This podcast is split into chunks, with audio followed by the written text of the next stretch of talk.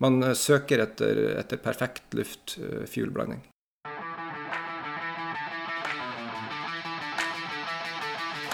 Man eh, søker etter, etter perfekt luft-fuel-blanding.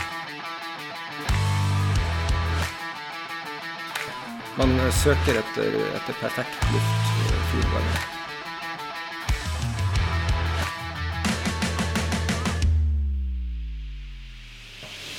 Søker etter, etter perfekt luft-fuel-blanding.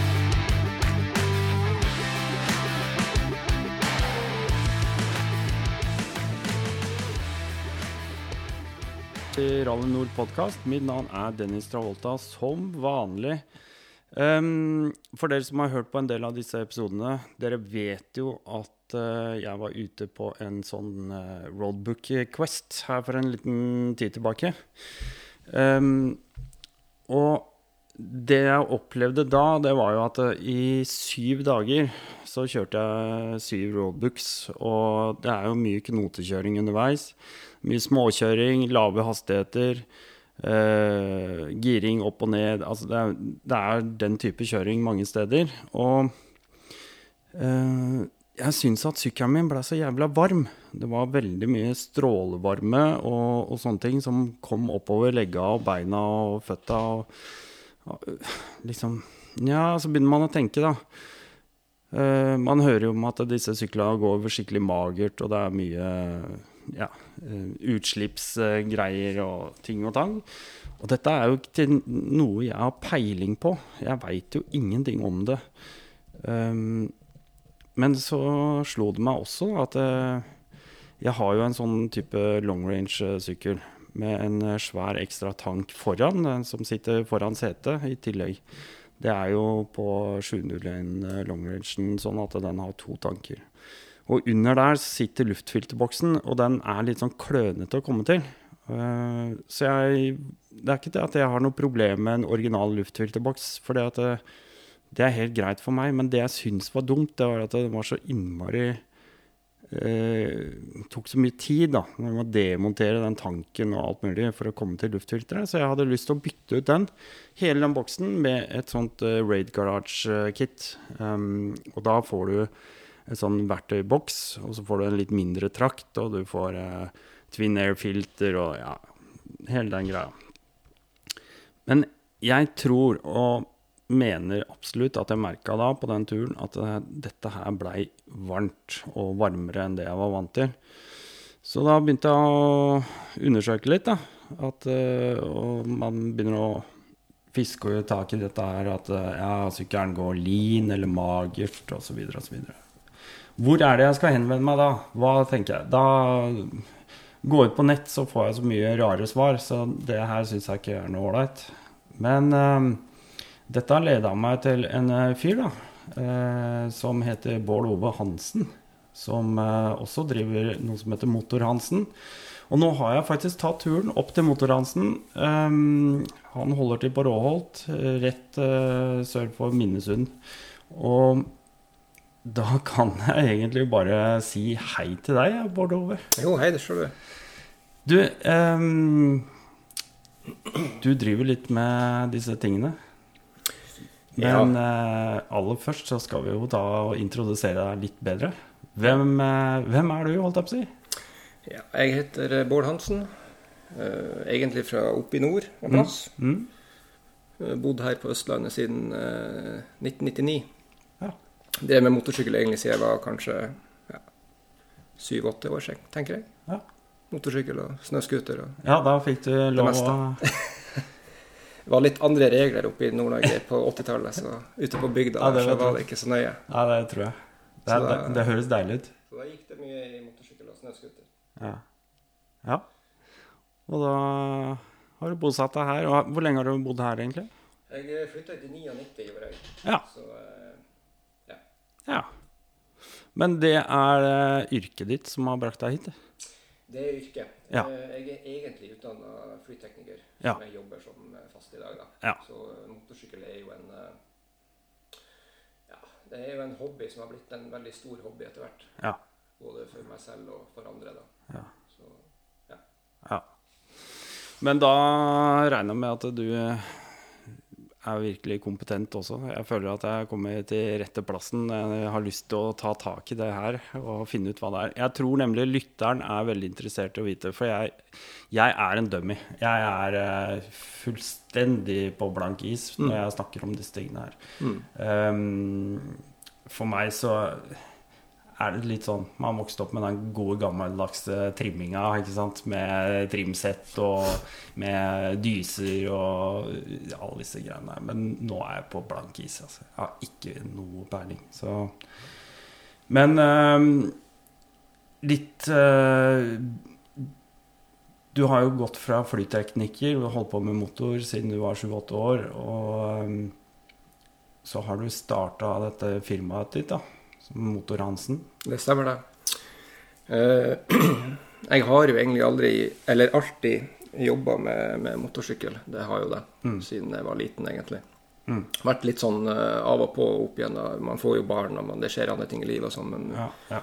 nå er liksom barna blitt såpass store at nå er det tid til, til andre ting igjen. da. Så mm. da tok jeg opp uh, motorsykkelbiten igjen for noen år siden.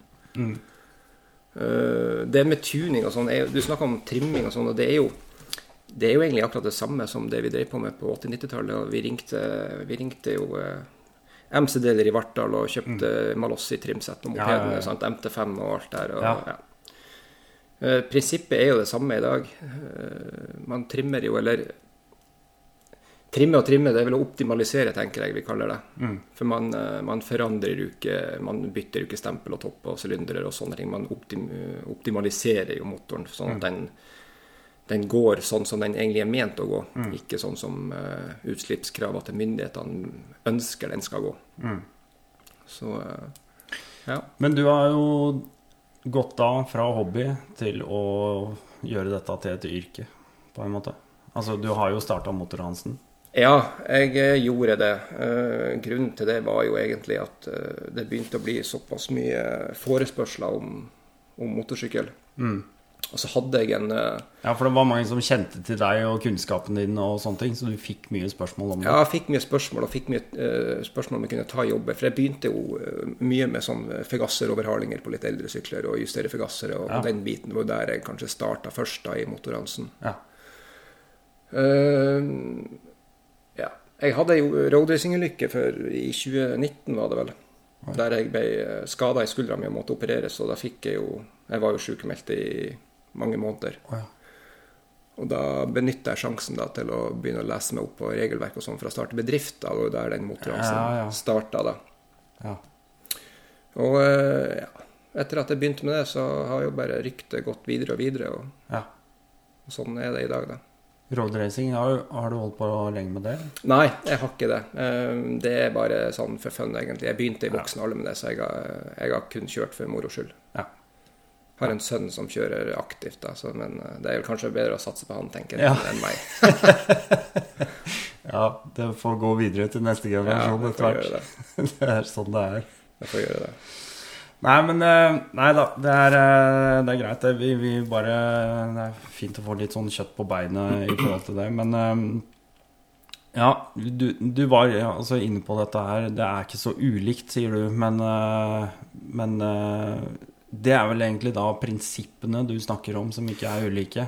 Prinsippene fordi, fordi vi må jo kanskje legge til grunn hva er, hva er, hva er forskjellen, altså bestanddelene, i en god gammeldags forgassermotor kontra det som er i dag? For å si det sånn, eh, Forbrenninga er jo den samme. Du ønsker jo, eh, du ønsker jo et optimalt en optimal blanding mellom luft og bensin. Det er jo det alle leter etter hele tida. Mm. Det er jo det motoren ønsker. Han ønsker jo den perfekte blandinga. Mm. Uh, akkurat det samme som en uh, 1985-modell forgassermotor. Ja. Ønsker du optimal blanding for å få den forbrenninga perfekt. Ja. Uh, I den tida måtte man jo justere, bytte dyser. Ja. Man måtte jo mm. skru mye mer for å, for å justere de her blandingsforholdene. Med, de måtte jo demontere forgasser kjøpe nye dyser, ja. sette opp, kjøre, justere litt mer. sant? Ja. Uh, prinsippet i dag er akkurat det samme, bare at i dag gjør du det på en PC isteden. Mm. Du gjør en justering som kanskje før tok uh, to timer å justere opp en forgasserrekke, så gjør du det på 15 sekunder med noen få tastetrykk. sant? Så det, prinsippet er det samme.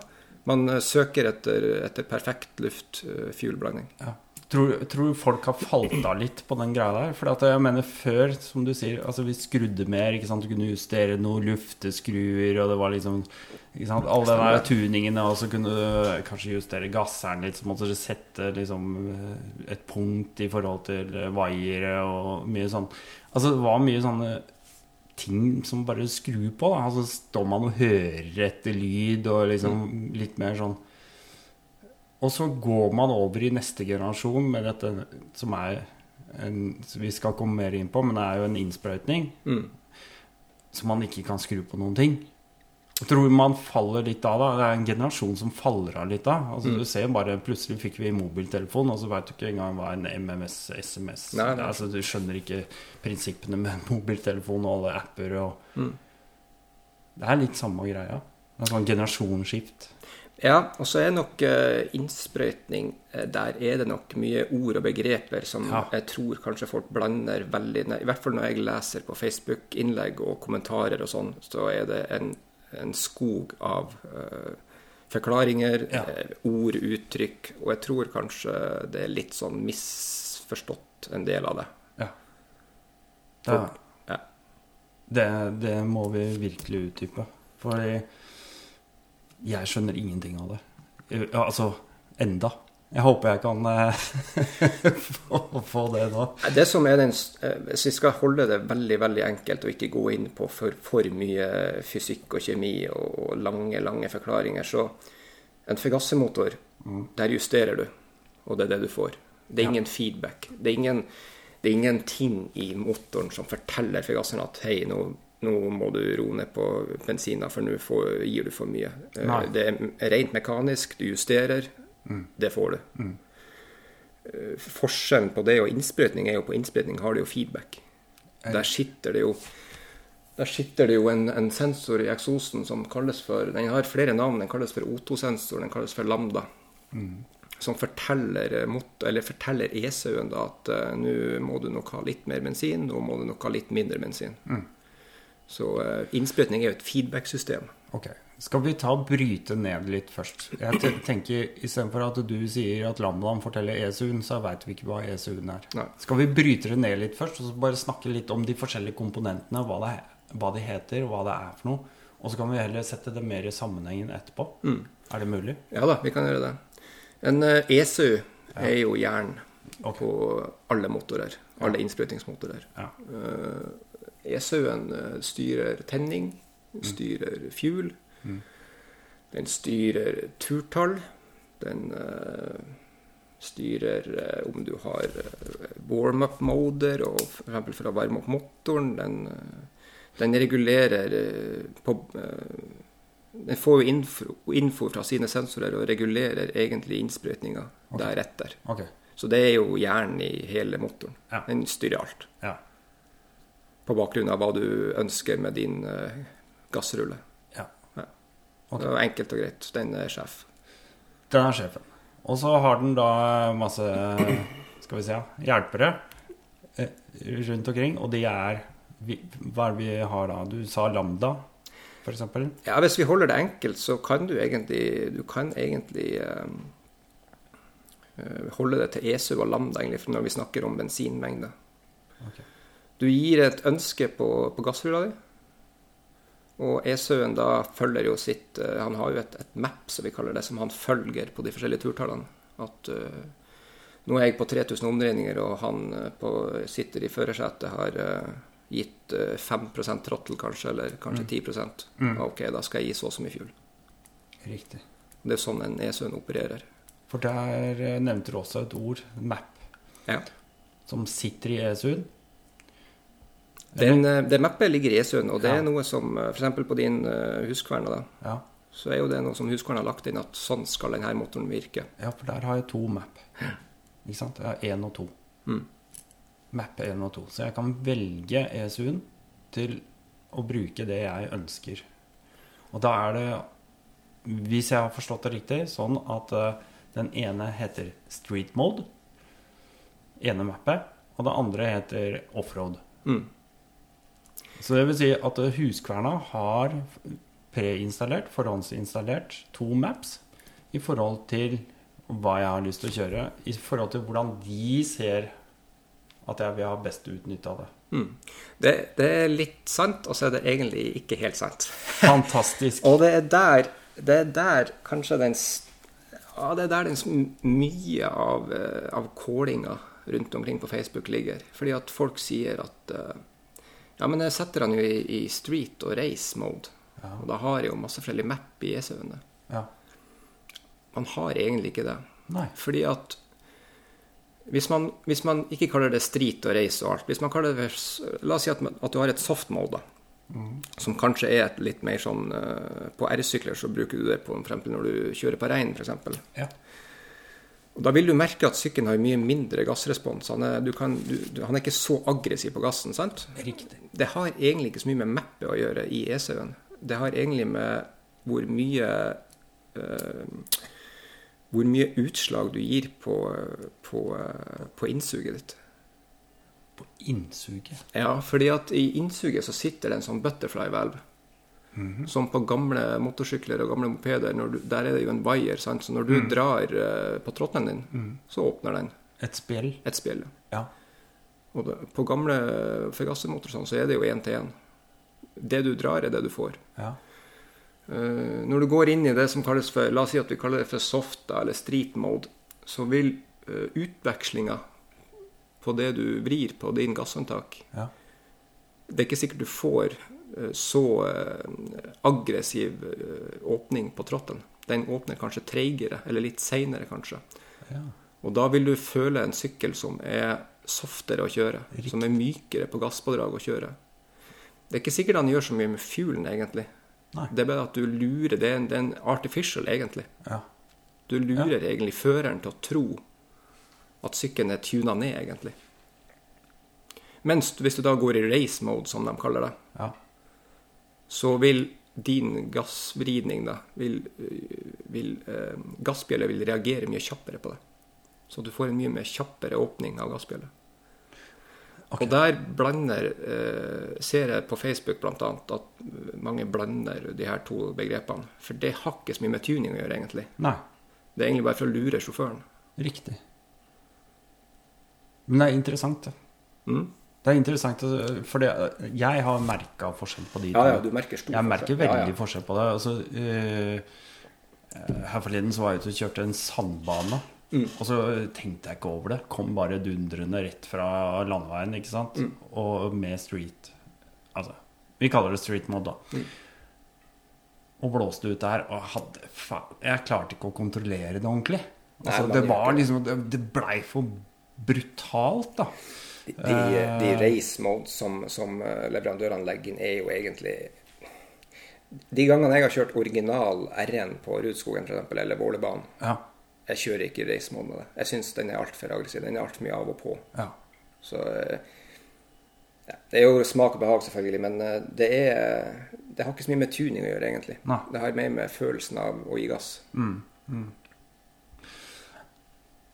Veldig Interessant. Interessant.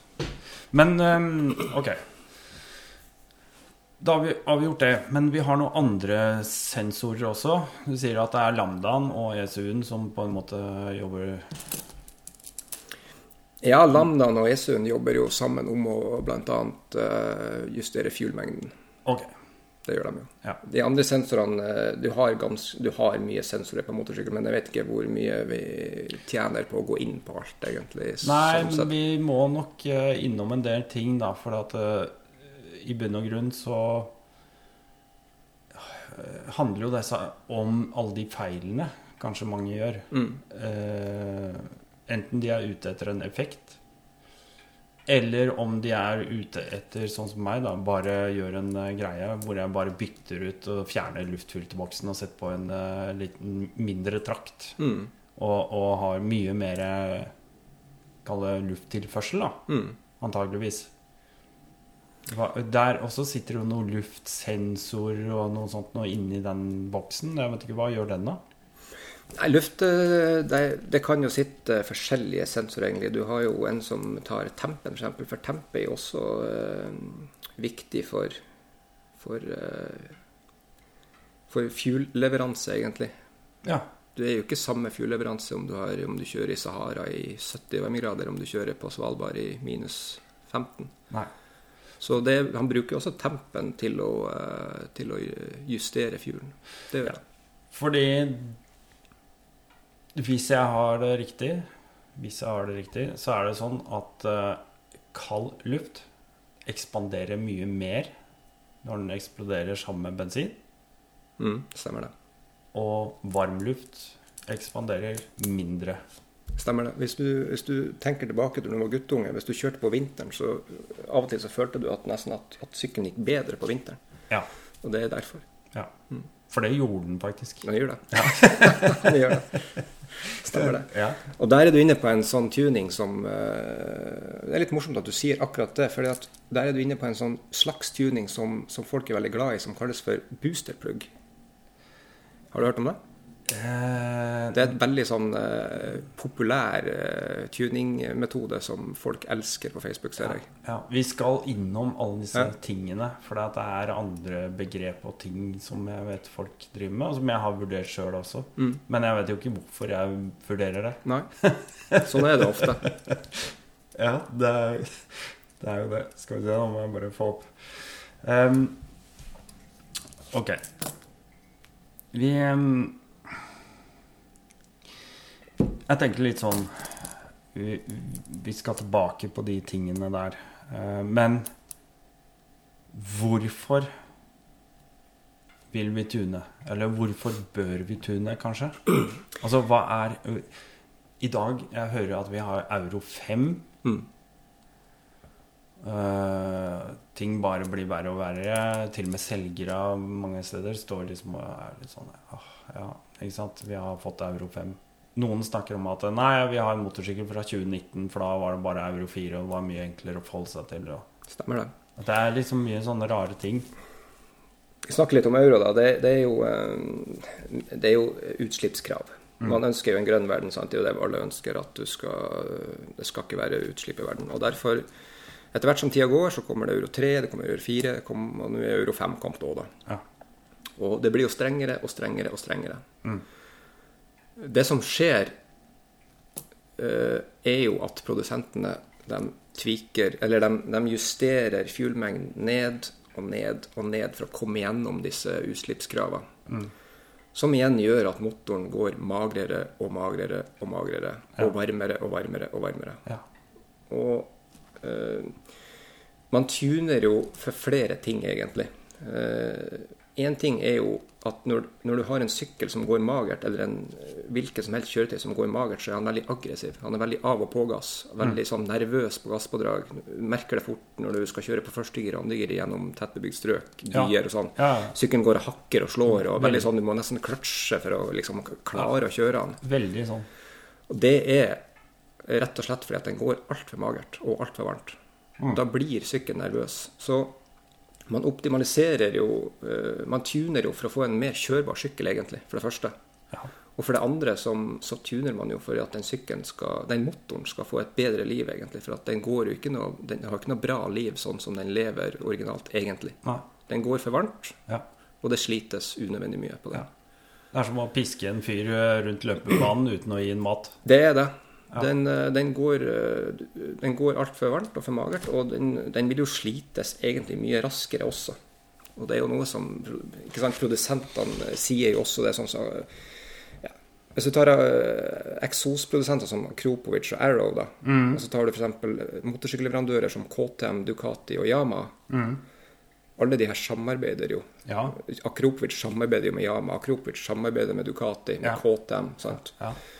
Uh, hvis du går på Akropovic sine sider, så står det at du, de, de, de, anbefaler på det sterkeste å tune fuel hvis du monterer en slip-on eller en decat eller ja. Så alle er jo klar over det. Men sånn er, sånn er miljøkravene, og det må alle forholde seg til. Ja. Og derfor blir det verre og verre jo høyere euro du får. For det blir, kravene blir strengere og strengere, mm. og det blir mindre og mindre bensin i motoren. Mm. Det Ja. Ja. Så det man eh, Jeg vil jo si at 90% av tuning er jo å få en kjørbar sykkel. Ja. Faktisk. Ikke det at man skal høyne noen toppeffekter, sånn, for at man gjør egentlig ikke så mye av det heller når man optimaliserer. Men man ønsker jo en, en sykkel som er god å kjøre. Det er det mm. man ønsker. Ja, ja. Skal kose seg på sykkel. Skal ikke drive og uh, hakke rundt som du gjør på en ny sykkel. Nei. Nei, det Jeg merker veldig godt den der hakkinga. Jeg gjør det. Jeg gjør det. Det er litt slitsomt. Jeg kjørte en eh, Jeg tror det var en 2018 eller 2017 r igjen på, eh, på Rudskogen for noen år siden. Ja. Da kom jo jeg fra en, en, en sånn 07 R1 som jeg hadde tuna da. Ja. Som var egentlig ganske god å kjøre med relativt smooth og alt. Jeg kjørte stokk R1 på Rudskogen, og jeg syns det, det, var tungt å kjøre det. Mm. Det var banse, slo i svingene når du gikk på liksom, veldig mye motorbrems av og pågass. og veldig ja. mye sånn, ja, Veldig vanskelig å kjøre, egentlig, syns jeg. Apropos det, eh, bare en sånn eh, digresjon. Eh, den derre pottesmelling, mm. har det noe med bensinblanding å gjøre? Ja. Jeg har hørt noen rykter om det, bare vet ikke om det stemmer. Det gjør det. En motor som går for magert, ja. som får for lite bensin, gjør at du får en ganske treig forbrenning av blandinga. Ja. Så når du da går av gass så vil du oppleve av og til pottesmell. Ja. Og det er fordi at forbrenninga egentlig fortsetter litt Den, den forbrenner litt treigt, og da fortsetter egentlig forbrenninga litt ut i potta også. Så du kan faktisk fjerne pottesmellen da ved gass, når du går av gass ved å gi mer fuel. Akkurat. Så det som eh, ofte er oppfatta som litt kult, det er egentlig ikke så kult allikevel? Nei, det er ikke kult. Det er ikke bra. det, er ikke, det er stor slitasje. Det er ikke bra for motoren. Men du kan få pottesmell andre veien òg, med å gi for mye fuel. Ja. Sånn at du faktisk fyller potta med bensin også. Ja. Det ser du ofte er det da på. du får stikkflammer? Da får du stikkflammer. Ja, det, det, det er kult. Det er litt kult. Når du har pottesmell med stikkflammer, da vet du at du har noe ja, riktig. Ja, det er kult. Veldig bra. Um, ja. Nei, vi var inne på vi, denne kretsen, da. ECU-en Lambdaen, eller uh, O2. Mm, O2-sensor. Ja, O2-sensor. Vi har en uh, føler som uh, kanskje føler temperatur på lufta, på inntaket. Og så har vi noen ting som vi snakker om som uh, closed loop og open loop. Mm. Hva, hva, er det her? Closed loop uh, og open loop. Hvis du har en, en, en, en Fegasser-motor, som vi snakket om tidligere, så, så, har du jo open loop hele tiden, for du har ingen feedback. Du har ingen ting som forteller den hva den skal gjøre for noe. Okay. Det er open loop. ingen ja. feedback, ingen regulering. Nei. Uh, closed loop, uh, eller uh, på en moderne både Euro 3, Euro 4, Euro 5, så har du både closed og open loop. Okay. Men du har closed loop i det området som, som du bruker mest. Og det vil si fra tomgang og ja, opp, Turtall er jo forskjell fra, fra, sykkel til sykkel, men ofte så For eksempel på en ja, Hvis du tar en KTM 790, da, mm. så ligger vel closed loop fra ca. tomgang og opp til en ja, rundt 6000 omdreininger, kanskje. 6,5 kanskje. Okay. Så det er jo ganske stort område. Ganske mye av den kjøringa du, du, gjør, foregår jo i closed loop. Ja, den gjør det. Og det er jo det som vi tenker liksom på Det er jo myndighetsloopen, eller utslippsloopen. Der du har de største restriksjonene. Mm -hmm. Går du utafor closed loop, så er du i det som kalles for open loop. Da, mm. da, du, da har du ikke de kravene fra myndighetene. Men det er jo, eh, da er det jo flat out omtrent full gass. Mm. Det er ikke så ofte du er det på veien egentlig, over lang tid. Ja, for det er en setning som jeg har kommet over. Uh, at det er akkurat det der. Med en gang du passerer 6000 omdreininger, så mm. går sykkelen mer normalt. I forhold til 701 jeg har, da. Ja. Men jeg vet ikke om det jo, Så det kan være noe i det, altså? Den gjør det fordi at da har produsenten mye mer mulighet til å uh, regulere det som de vil. Aha. Så, ja. Men i closed loop, du kjører jo i closed loop kanskje 90% av tida. Ja, ja. Du kjører jo ikke i open loop over ti, i timevis på vei. Nei. Det gjør man jo ikke. Så. så. det er jo i closed loop da man ønsker å tune mest. da. Det er jo der du kjører. Mm. Det er det som er viktigst å få, få, gjort noe med. Og det er jo også kanskje det vanskeligste å få gjort noe med, for der ligger det jo en del sperrer. De legger jo inn sperrer på det også. Så. Ja. For det er de nødt til, ikke sant? De prøver i hvert fall, men, men de produsentene av tuningprodukter klarer jo å omgå det her etter hvert. da. Ja, for det er jo et kappløp. Det er kappløp, ja. Ikke sant? Det er jo akkurat som uh, the good and the bad guy. Det er det. det de kjemper Du har uh, myndighetene som setter krav, og produsentene som følger dem. Mm. og så har du tuningprodusentene som følger hakk i hæl og ødelegger for dem. Ja. Det er uh, Ja, det er sånn det er, da. En evigvarende katt og, mus, katt og muslek. Ja da, vi tar et lite kort avbrekk akkurat der. Og så tenker jeg jeg har lyst til å putte inn uh, et lite innslag. Dette dreier seg selvfølgelig om patrons. som dere har fått med dere, jeg tjener jo ikke penger på dette. Dette er jo ikke som YouTube, hvor uh, diverse visninger uh, genererer penger. Men uh, de som gir meg penger, er mine patrions. Jeg har uh, foreløpig fem stykker. kjære, trofaste patrons. Ruben, Thor, Rune, Frode og Thomas. Tusen hjertelig takk skal dere ha. Uh, disse fem de abonnerer da på uh, tre forskjellige pakker. De har valgt litt forskjellige. Rally 25, Rally 50 og Rally 100. disse gir jo selvfølgelig da litt sånn forskjellige Hva skal jeg si for noe? Forskjellige godiser, da. 25, eh, da er du egentlig bare sånn uh, Tusen takk skal du ha. Jeg setter pris på podkasten din, og jeg syns du er verdt uh, en billig øl i måneden. Rally 50, da setter du enda litt mer pris på det og tenker at jeg er verdt to øl i måneden, kanskje. Og så sender jeg deg til klistremerket. Rally 100, da er du helt konge. Da syns du dette er dritkult. og har lyst til å ha meg her virkelig eh, en stund til. Og så sender jeg deg et klistremerke og en uh, valgfri uh, dekal med Rally Nord-podkast. Uh, disse klistremerkene og, og dekalene kan du selvfølgelig få tak i ellers også. Det er egentlig bare å ta kontakt, så finner vi ut av det. Patron, der um, så, så gjør det. Men det alle disse tre har til felles, det er at uh, de har tilgang på um, en uh, Discord-kanal. Discord er um, ja, kanskje ikke kjent for uh, alle dere, men det blir ofte brukt i diverse fellesskaper, ofte til gaming. Noen familier ønsker å ha en Discord-kanal, eller server, da, som det heter, hvor eh, de kan chatte med hverandre, dele bilder, sånne type ting. Og denne Discord-serveren, som eh, er en Rally Nord-podkast-server, eh, den er foreløpig under utvikling, men den inneholder ting som altså generell info fra podkasten vi skal prøve, håper vi får til litt mer sånn treff og events-sider, hvor, uh, hvor, vi kan få til å skape et eller annet.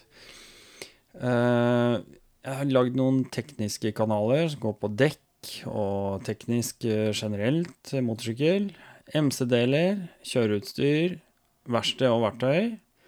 Og så har vi litt sånn navigasjonsgreier som går på GPS og mobilapper roadbook, YouTube-videoer som vi kanskje vil dele.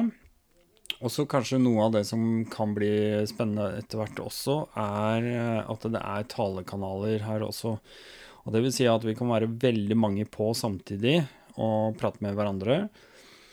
Og planen der, det er jo på sikt at uh, når vi blir uh, litt folk, så kan vi med jevne mellomrom møtes der inne. Kanskje vi setter opp noen temaer og litt sånn på forhånd som vi kan prate om, og prøve å holde en litt sånn ja, ryddig dialog. Ha det litt uh, gøy, scrolle litt, og så kan jeg faktisk uh, prøve å gjøre opptak av det. Og så gjør vi det rett og slett til en uh, egen episode i podkasten. Det tror jeg kanskje hadde vært veldig kult. Um, så, så, det er litt av planen med Discord. Så får vi se hvordan det bærer an. Men jeg håper at uh, Håper at det kan bli uh, moro. At vi kan ha noe moro ut av det. Det skal jo være moro å være patron. Uh, jeg skjønner jo det. må prøve å levere litt tilbake. Um, hvis du har lyst til å bli patron, gå inn i shownotes. Den finner du i teksten under eh, der du hører på podkasten. Og så bare klikker du deg inn på patron der, og så kan du bli en patron. Velg en av pakkene som passer for deg. Og så eh, takker jeg så meget for det. Um, ja, det er vel ikke så mye mer å si om det. Tusen hjertelig takk til uh, de som er patrons og som backer podkasten, setter ekstremt stor pris på. Jeg har jo som sagt en del utgifter med dette her. Jeg gjør dette på gøy og moro, og eh, tjener jo ikke fem flate øre på det sånn sett. Men eh, desto flere som backer meg lite grann, desto lettere blir det jo for meg å kunne faktisk forsvare utgiftene jeg har eh, med å gjøre dette her tilgjengelig for dere. En annen sak med Patrions er jo at jeg har en jeg har en, eh, et ønske om at patrons skal få tilgang på de nyeste uh, episodene først. At de skal få lov til å høre de aller først. Og så at det blir et delay for de som ikke er patrons, sånn at de må vente en stund med å høre dem. Kanskje blir det noen episoder som jeg tar um, og lager i sånn raw-format. Dvs. Si at jeg rett og slett bare trykker på record før egentlig hele opptaket eller hele episoden skal begynne å spilles inn. Og så får man litt sånn derre før og etter, sånn behind the scenes-greier. og den følelsen der sånn. Og det kan jo være litt uh, artig for noen, kanskje, å høre hva jeg prater med, med meg sjæl, eller uh, lydsjekk snakker eller uh, hører litt av vedkommende. Og da blir det et ordentlig raw-format. Da driter jeg i alt. Da gidder jeg ikke å klippe uh, eller noen ting. Da bare sender jeg det ut akkurat sånn som det er. Så bli patron, dere. Det kan lønne seg hvis uh, du liker podkasten. Men nå skal vi bare fortsette videre, og så høre hva Bård har å si. Men uh, ja, nå har vi vært igjennom en rekke eurokrav, og det er klart eh, De forrige har jo blitt ganske brutt ned etter hvert av de som prøver å åpne dette opp. da. Hvordan ligger vi an på euro 5? Er det Euro 5 begynner å komme mer og mer. Eh, blant annet eh, T7-en, som er ganske populær, ja. er det jo kommet tuning for, for 2021-modellen nå. Ja. Så den kom nå for ja, det er faktisk ikke mer enn en måned siden. eller sånn den kom faktisk. Nei. I hvert fall i de systemene jeg bruker. da. Ja. Eh, så det kommer etter hvert, det gjør det. Ok, Men da kan vi jo bare ta bryt ned Hva er det Skal vi ta tuning-feilene først? Altså Jeg vil gjerne vite hva slags tuning eh, er det vi snakker om generelt. Men hva er feilene ofte som man gjør?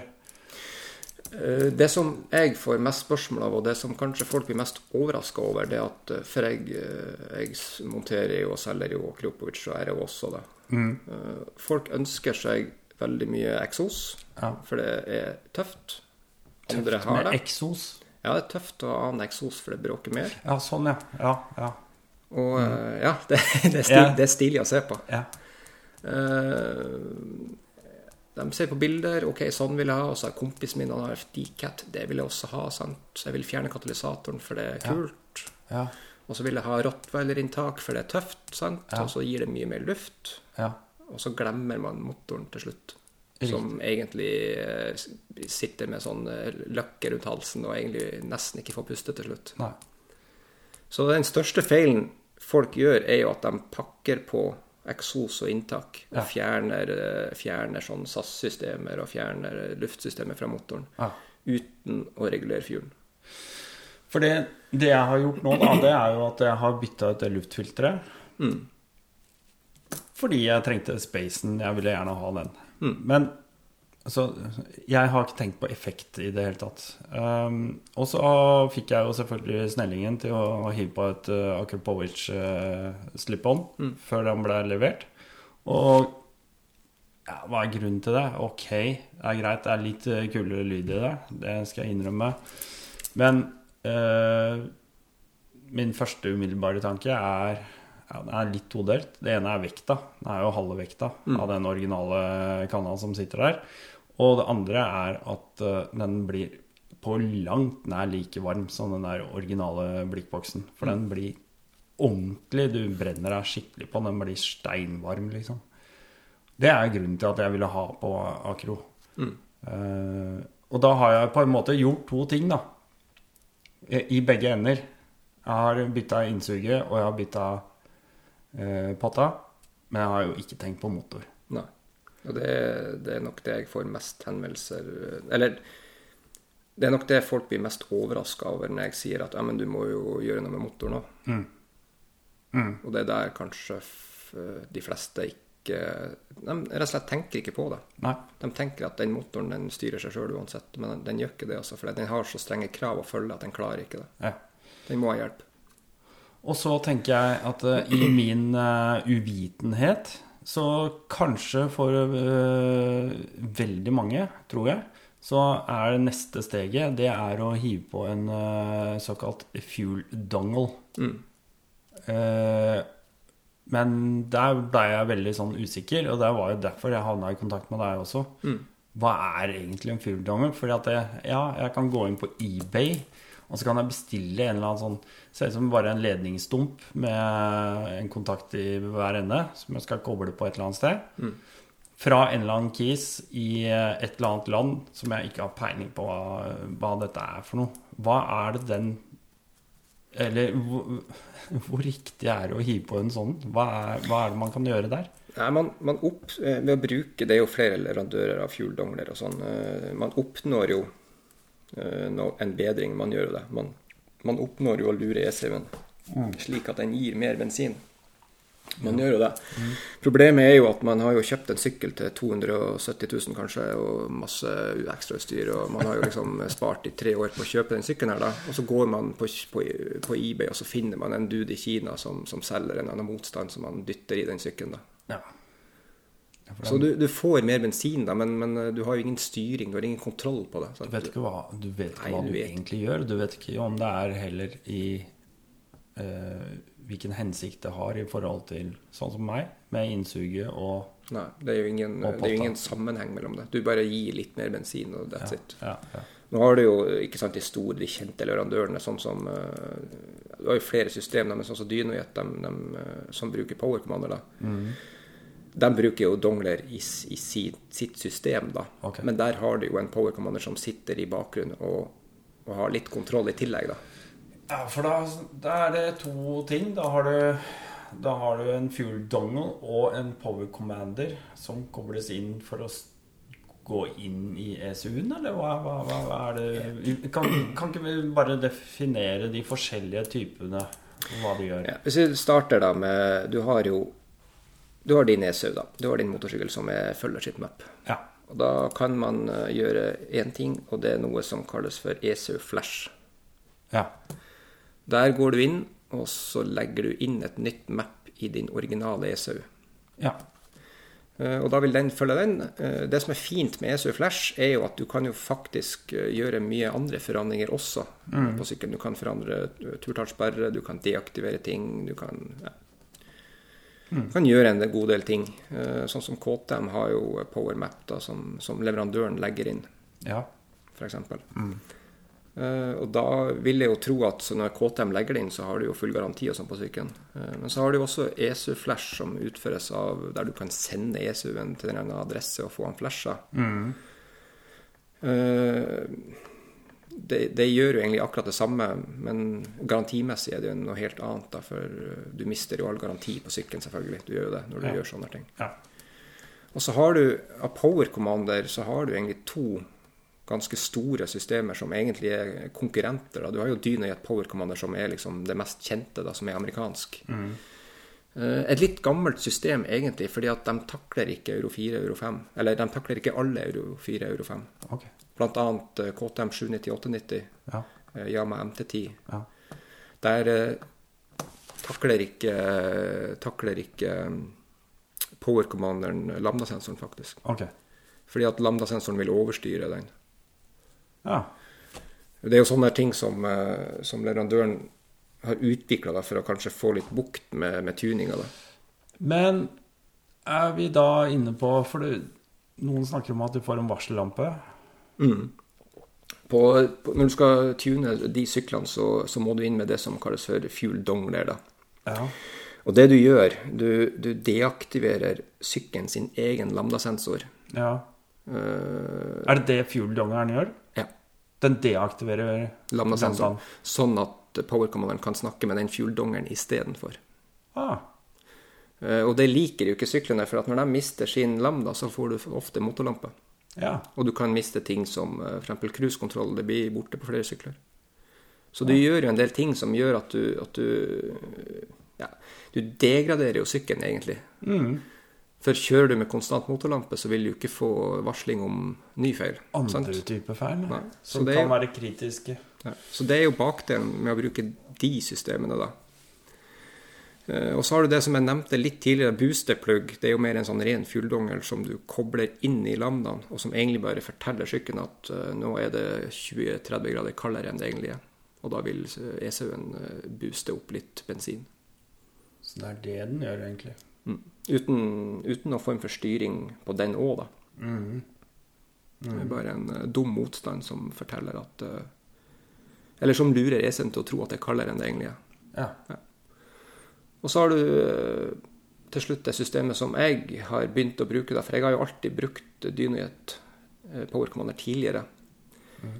Mens på nye sykler så begynte det å bli Det begynner å bli liksom vanskeligere og vanskeligere å tune. Og da har du en europeisk leverandør av kalde power commander som kalles for Dimsport, og de lager noe som heter for Rapidbike. Ja. Uh, Rapidbike har, de har litt annet, en litt annen filosofi enn Dynojet sin power commander. For uh, Rapidbike bruker kun sykkelen sin egne sensorer. Den bruker altså sykkelens egen lambda ja. til å tune. Ja. Og det vil igjen si at på helt nye sykler, f.eks. 2021 KTM 890, T7, MT10, så kan du sette inn det systemet uten å få varsling. Ja. Pga. at eh, sykkelen er komplett. Okay. Uh, og en del sykler leveres jo også nå med, med, med bredbåndslambda, som gjør at tuning du prøver å gjøre i ECU-en blir overstyrt av lambdaen på nytt igjen. Okay. Så lambdaen nuller ut det du, det du tuner, egentlig. Ja.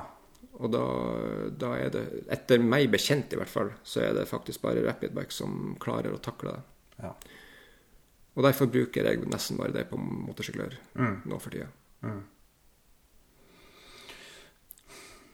Så det er mange forskjellige det er en del forskjellige tuningmetoder, og det er jo fordeler og bakdeler med, ja. med alle.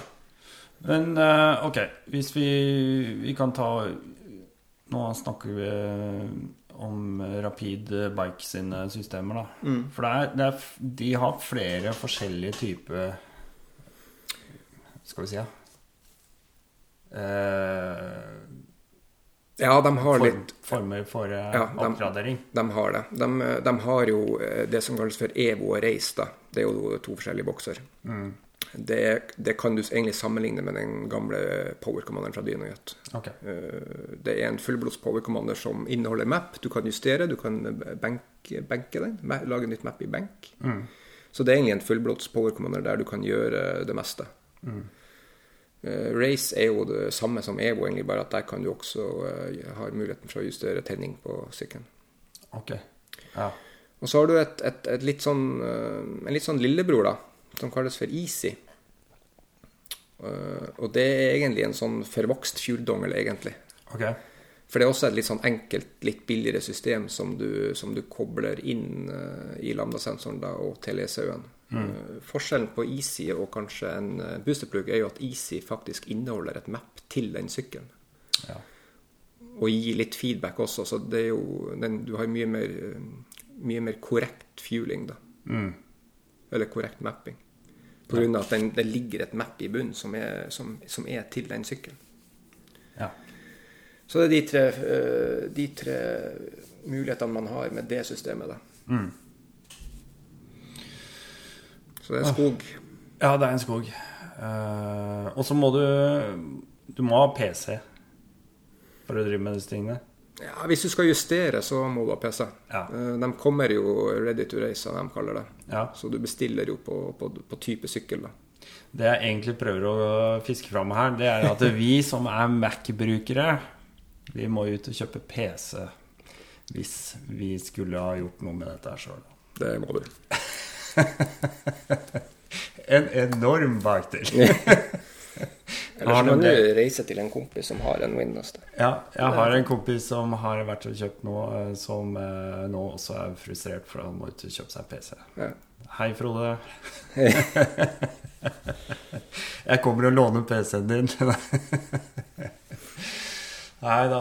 Det er uh, Jeg um, Det er veldig greit å ta den praten her, altså, fordi at eh,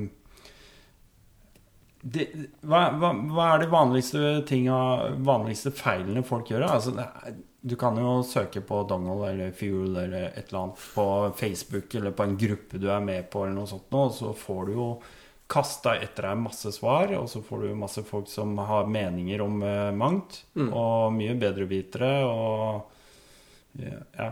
Det, det, som jeg kanskje føler den største feilen folk gjør, er at de, eh, de stoler blindt på info som er ufiltrert, egentlig. Ja. Hvis noen sier det på Facebook, så er det sånn. Ferdig med det. Ja. Noen har skrevet det på ei Facebook-side, så er det sånn. Og, og, i tillegg, da, hvis den personen da bruker eh, masse fremmede ord og masse uttrykk, og, og så, så, virker det jo som at eh, OK, det her har vi en professor i, med å gjøre, så ja. må, det må jo stemme så mye fine ord som blir brukt. sant? Ja, det høres veldig fint ut. Høres veldig fint ut. Ja. Uh, som ofte så er det jo kanskje copy-paste fra en annen side. Jeg vet ikke. Nei. Uh, det syns jeg kanskje er den største Eh, hvis jeg skal overbevise folk som, som, som har bestemt seg på forhånd, så, så, er nok kanskje det det som jeg føler folk gjør mest feil. At de leser et innlegg, mm. og der skriver det en at sånn må du gjøre, for det funker. Mm. Og så er det sånn. Mm. Ferdig med det. Mm. Det er nok der kanskje Ja. ja jeg, jeg, jeg skjønner det godt. Jeg jeg liker ikke å brenne meg på sånne utsagn som bare ligger løst ute. Og det er mye av grunnen til at eh, sånn som jeg kjører Sjundeålen, er med på en del sånne svære grupper med 16 000 eh, medlemmer worldwide og greier. Og, og det jeg oppfatter, er at enkle spørsmål ofte blir eh, Vi var litt inn på det før jeg trykka på opptak her. Blir ofte besvart med type hersketeknikker og ting som at 'er du helt dum', ikke sant? Mm. Du kan ikke gjøre sånn og Ja, hvorfor har du gjort det? Bare, bare det at du setter på en annen lykt, så er det skikkelig stygt. Ja. Ikke sant? Altså, det er mye sånne det er mye fæle folk der ute. Eh, det er kanskje den siden som jeg liker minst av motorsykkelverdenen i Norge, i hvert fall. Fordi ja. at uh, ja. da jeg uh, Jeg har opplevd det samme. Ja. Uh, skriver ting, eller du går i en, i en, butikk og skal ha et eller annet, og så får du egentlig spørsmål om Fader, er du helt dust, eller? Ja. Ja.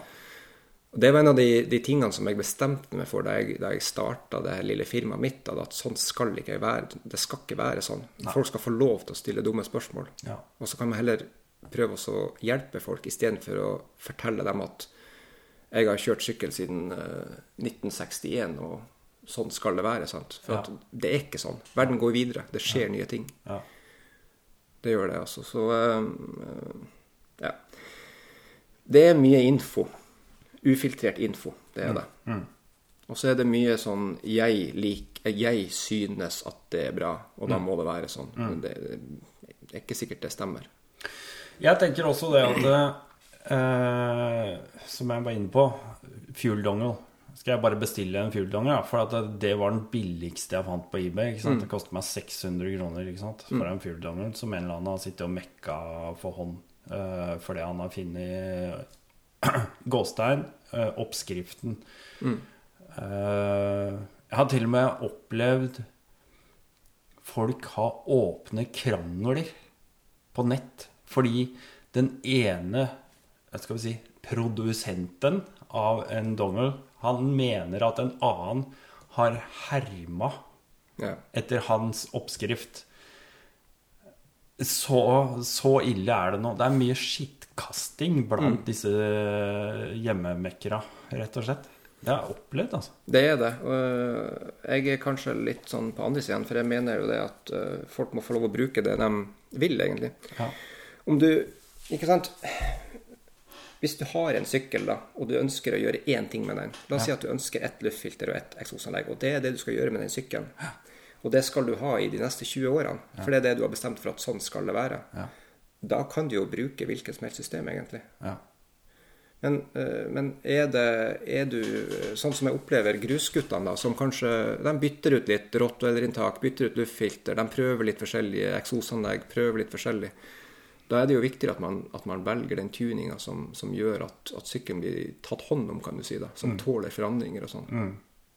Mm. Så man må liksom man må liksom velge tuning etter, etter bruksområdet, hva man skal egentlig, hva som er meninga egentlig. Ja. Uh, ja, for det, her er vi inne på kanskje forskjellen på min verden, som jeg på en måte vil snakke om sykler med knotter på hjula, som jeg sier, mm. eh, kontra f.eks. en uh, M M10, eller hva, mm. Eh, hva, det heter. Altså gatesykler, roadracing, sånn type.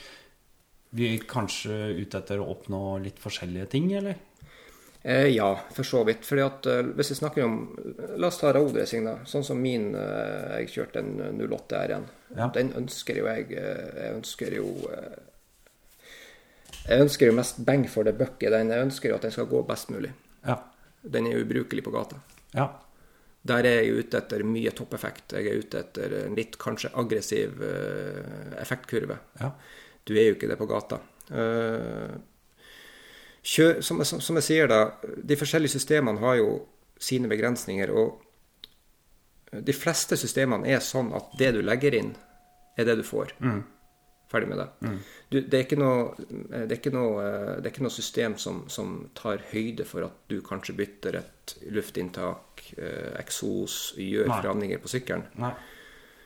Uh, ESU-tune og Dynehet gjør jo akkurat det. De, de, det du legger inn, er det du får. Mm. Forandrer du på sykkelen, så må du tune på nytt igjen, eller laste inn nytt map. Ja. Og Det er kanskje derfor jeg har forelska meg litt i det Rapidbike-systemet, for at uh, den justerer etter hvert som du kjører. Ja. Og den justerer også etter hvilket utstyr du kaster på sykkelen. Ja. Så det du sier nå, det er egentlig at det systemet som du eh, setter høyest, på en mm. måte, mm. det er det som på en måte hadde passa meg og mitt bruk best. fordi at når jeg er ute og knoter på roadbook-kjøringa i en uke, mm. så tilpasser jeg seg den krypfarta og de lave, høye turtallene. og transportetappene og sånt underveis? Ja, den, ja, eh, ja, og nei, men den vil nok kanskje mest uh, tunes inn på hvilket utstyr du setter på sykkelen. Det er okay. der den liksom har der, kanskje sitt, i, sitt S. da. Fordi ja. at uh, Si du monterer det systemet, da, og så har du en stokksykkel. Mm. Mange gjør jo det. Uh, mange kjøper systemet først av meg. Mm. Så får de det montert, og så kjører de kanskje to-tre måneder. Mm. Og så finner de ut at Nei, faen, jeg har lyst på rottweilerinntak, jeg. Ja. Så monterer de det.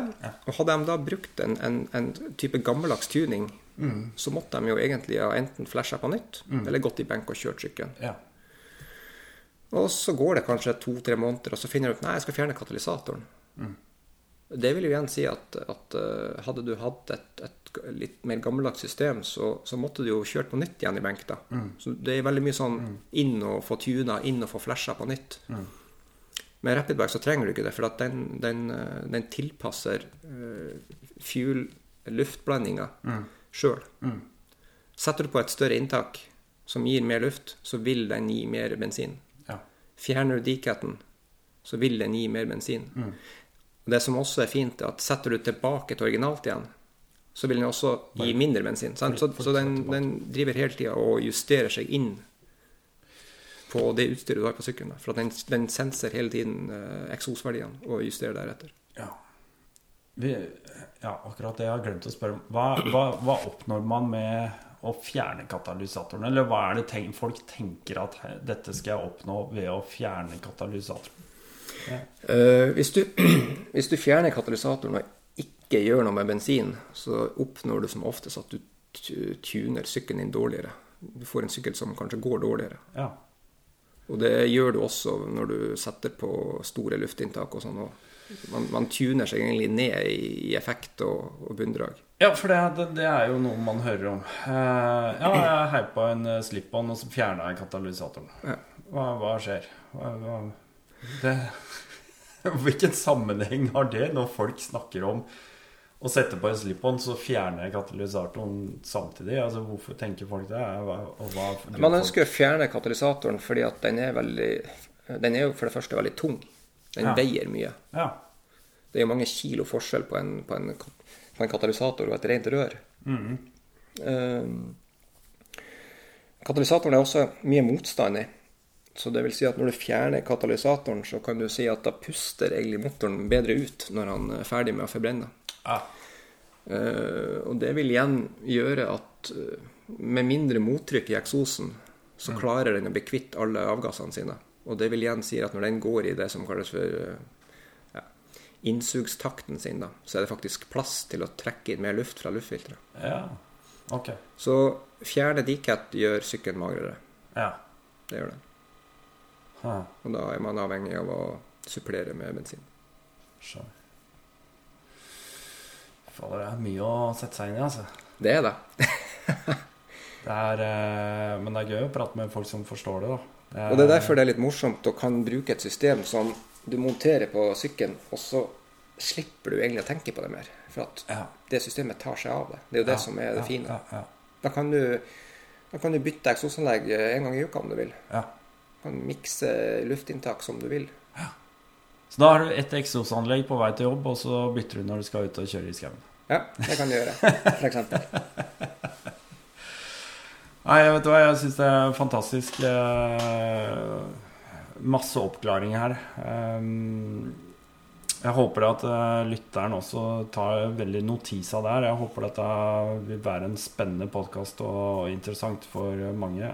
Og så tenker jeg at uh, ta kontakt med folk som faktisk kan dette her.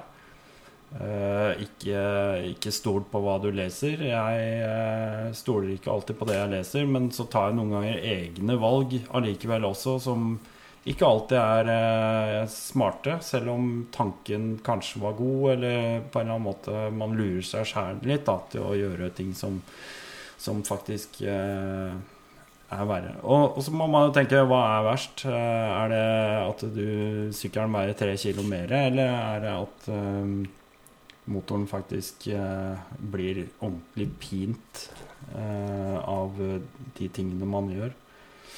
Um, jeg tenker eh, Kontakt eh, Bård Motor Hansen eh, med spørsmål. Jeg, hvilke sykler er det du har mest av, eller hva er det du Nei, før så var det jo Før så var det jo R-sykler jeg drev med. For jeg kommer jo fra, fra R-sykkelmiljøet, egentlig. Ja. grunnen til at jeg er kommet inn i det, det, det her grusmiljøet, er jo fordi at nettopp pga. det vi snakket om tidligere, euro 4 og euro 5, mm. gjør det vanskeligere å tune. Ja. Og Da begynte jeg å få såpass mye forespørsler på de syklene at jeg måtte finne ut uh, hvilket system kan jeg bruke da for ja. å håndtere det her. Ja, og det var da jeg begynte med, med Rapid. da. Mm. Uh, så per i dag så er det KTM uh, ja, 790, 890, 1290. Ja. Og det segmentet der som faktisk er mest, da, men en god del R-sykler og MT-er og ja. ja. Egentlig alle typer sykler. Ja. Men uh, per nå så er det definitivt mest uh, adventure-segmentet. Mm. Mm. Nå kjenner ikke jeg uh, Jeg skal ikke skryte på meg at jeg kjenner KTM og Huskverna, for at det gjør ikke jeg. som sagt, jeg kommer fra Honda CBR 1000, Yamaha R1. Det er liksom ja. de syklene jeg har liksom jobba med mm. tidligere. da. Ja, ja. Så jeg kjenner ikke, jeg kjenner ikke KTM sånn inn og ut. Gjør ikke. Men for meg så virker det som kanskje at KTM spesielt da går mm. magert. Det, det, virker sånn, uten at jeg kan dokumentere det eller si det ja, sånn sikkert. Men 790 eh, før og etter Rapidbike er jo to forskjellige sykler. Ja. Ja. Det mappet som ligger i, i 790 originalt, er jo en katastrofe, egentlig. Ja. Så ja, det, det, virker som, det virker som KTM-segmentet, eller adventure-segmentet, faktisk er det, det segmentet som, som, jeg henter mest på, faktisk. Ja. Av ja, det å få forandring på sykkelen. Ja, vi ser, altså, vi ser jo veldig mange sykler som eh, ikke kommer eh, til Norge, f.eks., pga. disse kravene. Mm. Eller eh, f.eks. et veldig godt eksempel var vel eh, Honda Honda 450L-en. Eh, CRF 450L, som eh, kom til Europa med 25 hester. Det er jo helt krise. ikke sant? Det var stor oppstandelse. I USA ble den levert full effekt. Mm. For de har andre typer krav. Ja, de har det. Ja. Og, og, det er jo Det er jo noe Honda må gjøre, da. Og, og rett og slett altså, Sånn type skuddsikker sykkel som Honda har jo alltid vært en, et navn på kvalitet, spør meg i hvert fall. Mm. Uh, når de må tune ned sykkelen sin til 25 hester, og da sier det litt om de kravene som er ute og går. Og så får jeg da en Husqvarna 701 med 74 hester. Mm. eh, så skjønner jo jeg at den er pint, altså. Og jeg mener at de motorene, LC4-motorene, er fantastisk bra. Eh, så i utgangspunktet ta vare på hva den egentlig har behov for, det tror jeg er viktig. Mm. Og Det er nok derfor KTM har jo skutt i været de siste årene. For at de, de har nok funnet en løsning som, som passer. En oppskrift. Du, ja, en oppskrift. Og de, de, du får mye effekt fra dem. De ja, det. det. er mye effekt i KTM. Ja. Mm. Så det er ikke noe tvil om at den er populær for tida. Nei. Nei. Nei, jeg syns uh, dette var veldig hyggelig. Er, um, er det noe vi bør uh, få med? Ja, vi kan eh, Det er jo Ikke sant, det her temaet her er jo, det er jo stort som en skog. Altså. Det er, og det er vanskelig å, å, forenkle alt med å bruke liksom, norske ord og skal liksom snakke om det her på en liten halvtime, 40 minutter. Liksom, mm. Så det, det er mye info som er utelatt, selvfølgelig også, men det er mye info man ikke trenger å vite også, egentlig. Ja. Um, det viktigste er å det viktigste er å prøve å få en sykkel som er god å kjøre. Det er jo det som er. Mm. Ja. Og da må man gjøre noe med bensintilførselen. Ja. På nye sykler. Ja. Nei, jeg tenker at uh, mine 74 hester, de er mer enn nok. Uh, men der er vi inne på en annen sak. Når sykkelen min går veldig varmt, mm. sånn som jeg føler at den gjør nå, hva skjer egentlig med de 74 hestene? Nei, det, de, blir de litt borte, eller? Eh, nei, de vil ikke bli borte. Det vil de ikke bli. Eh, men du vil jo Det er jo to forskjellige ting. Det er jo hester og tork. Ja, det er det. Det som man eh, Hester er jo Det er jo toppeffekt. Ja.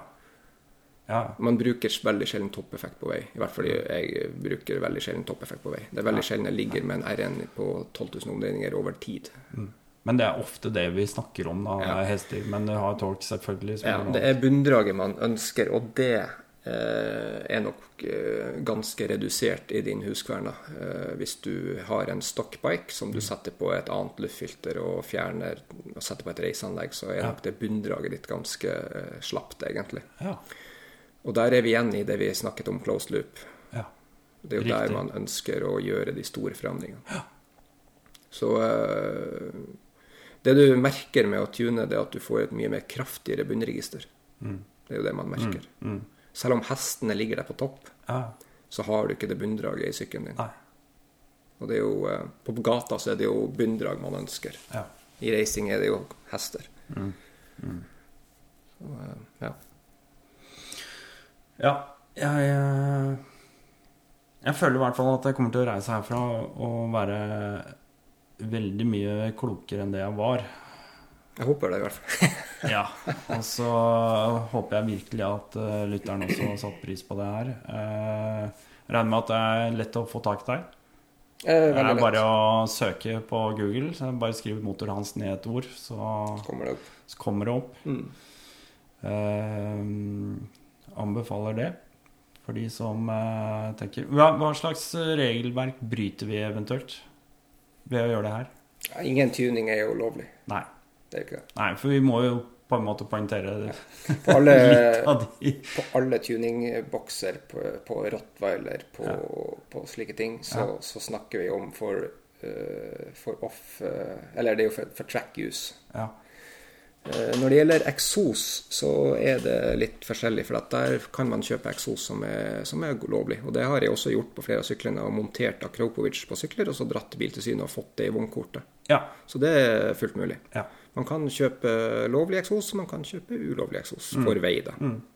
Så eh, det er mulig å tune noe Men du sier få det godskrevet i vognkortet. Mm. Sånn som jeg nå. Nå kjøper jeg en ny sykkel. Mm. Så får jeg da snellingen til å velvillig hive på et svindyrt Aker Akrapovic som mm. koster 12.500 for 12 500 for en slip-on-potte. Ja. Som da er godkjent av skal vi si, KTM Huskverna for bruk. For den mm. står i Powerparts-katalogen deres. Mm. Så de har jo på en måte sagt Yes, dette her kan du bruke, bare hive rett på. Mm.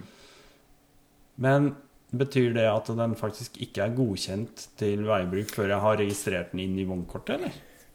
Uh, jeg er ikke så inne på regelverket til, uh, til Vegvesenet. Men uh, sønnen min da, han hadde jo et godkjent Akropovic-anlegg på. Ja. Der du får et sertifikat fra Akropovic som du kan legge med i vognkortet, som sier at det her er godkjent for, for vei. da. Problemet er at politiet ikke helt Eh, de, ikke sant? Alle kan ikke kunne alt. Nei, nei, en politimann som har en, en trafikkontroll, kan ja. ikke vite at Akropovic, at RO er sånn, og Wings er sånn. sant? Så det som jeg gjorde med han, for han ble jo stoppet hele tida ja. Det som jeg gjorde med den, jeg dro til Biltilsynet på Jessheim, ja. og så fikk jeg det i vognkortet. Ja, for det tror jeg er viktig. Og det mm, Ja. Bare sånn Grunnen til at, som jeg har hørt, da dette er et rykte, men det baserer seg kanskje på en uh, liten sannhet. Altså. Grunnen til at Akropovic er dritdyrt, 12 500 kroner, uh, kontra å kjøpe et Arrow som gjør akkurat skal vi si, kalle det samme jobben, uh, til 4000-5000 kroner, det er at Akropovic faktisk har brukt sinnssykt mye penger i utgangspunktet på å få det, den slip-on godkjent ja, både ja og nei. fordi at RAO har også godkjente anlegg. Okay. Uh, et, et, et, si et, et fullreis Akropolis-anlegg. Ja. Si det koster 16 000. Ja. Det inneholder katalysator og DB-killer. Ja, riktig. Uh, det samme anlegget fra Akropovic kan du få for kanskje sånn ja, 12 000. Mm. Da inneholder det ikke katalysator, og da er det ikke per definisjon ikke godkjent. Nei.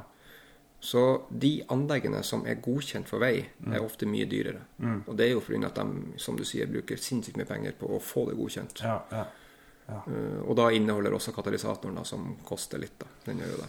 Ok. Mm. Skjønner. Og det er klart, uh, kjøper man et, et, et, et, et eksosanlegg som er godkjent for vei, mm. så skal jo selvfølgelig det også inneholde debikiller og katalysator. Tar man ut det, så er det jo ikke godkjent lenger. sant? Så, ja. Så, ja.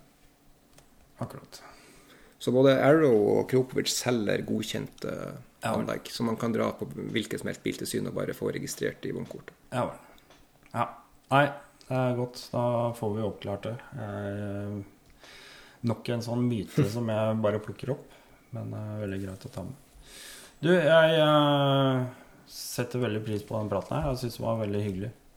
Eh, Håper det kom noe ut av den. Det ja, selvfølgelig kom det ut av den. Det, det er det er jo sånn når man skal forklare veldig komplekse ting på veldig kort tid og bruke veldig lite ord, så er det ikke veldig enkelt. å, det er ikke bestandig like enkelt å snakke om det uten å liksom bevege seg ut i en sånn der uh, diskusjon som folk sitter og sier ja, men det stemmer ikke, og det stemmer ikke, og det stemmer ikke. Sånn. Nei, altså jeg forventer ikke at uh, ting uh, Altså kunnskap du har opparbeida deg gjennom år det forventer ikke jeg at vi skal få ut her i løpet av en time heller. Det, men veldig greit å kunne sette be, disse begrepene i kontekst. Uh, sette alt Dette her det gamle systemet med forgassere kontra det nye vi har nå. Mm.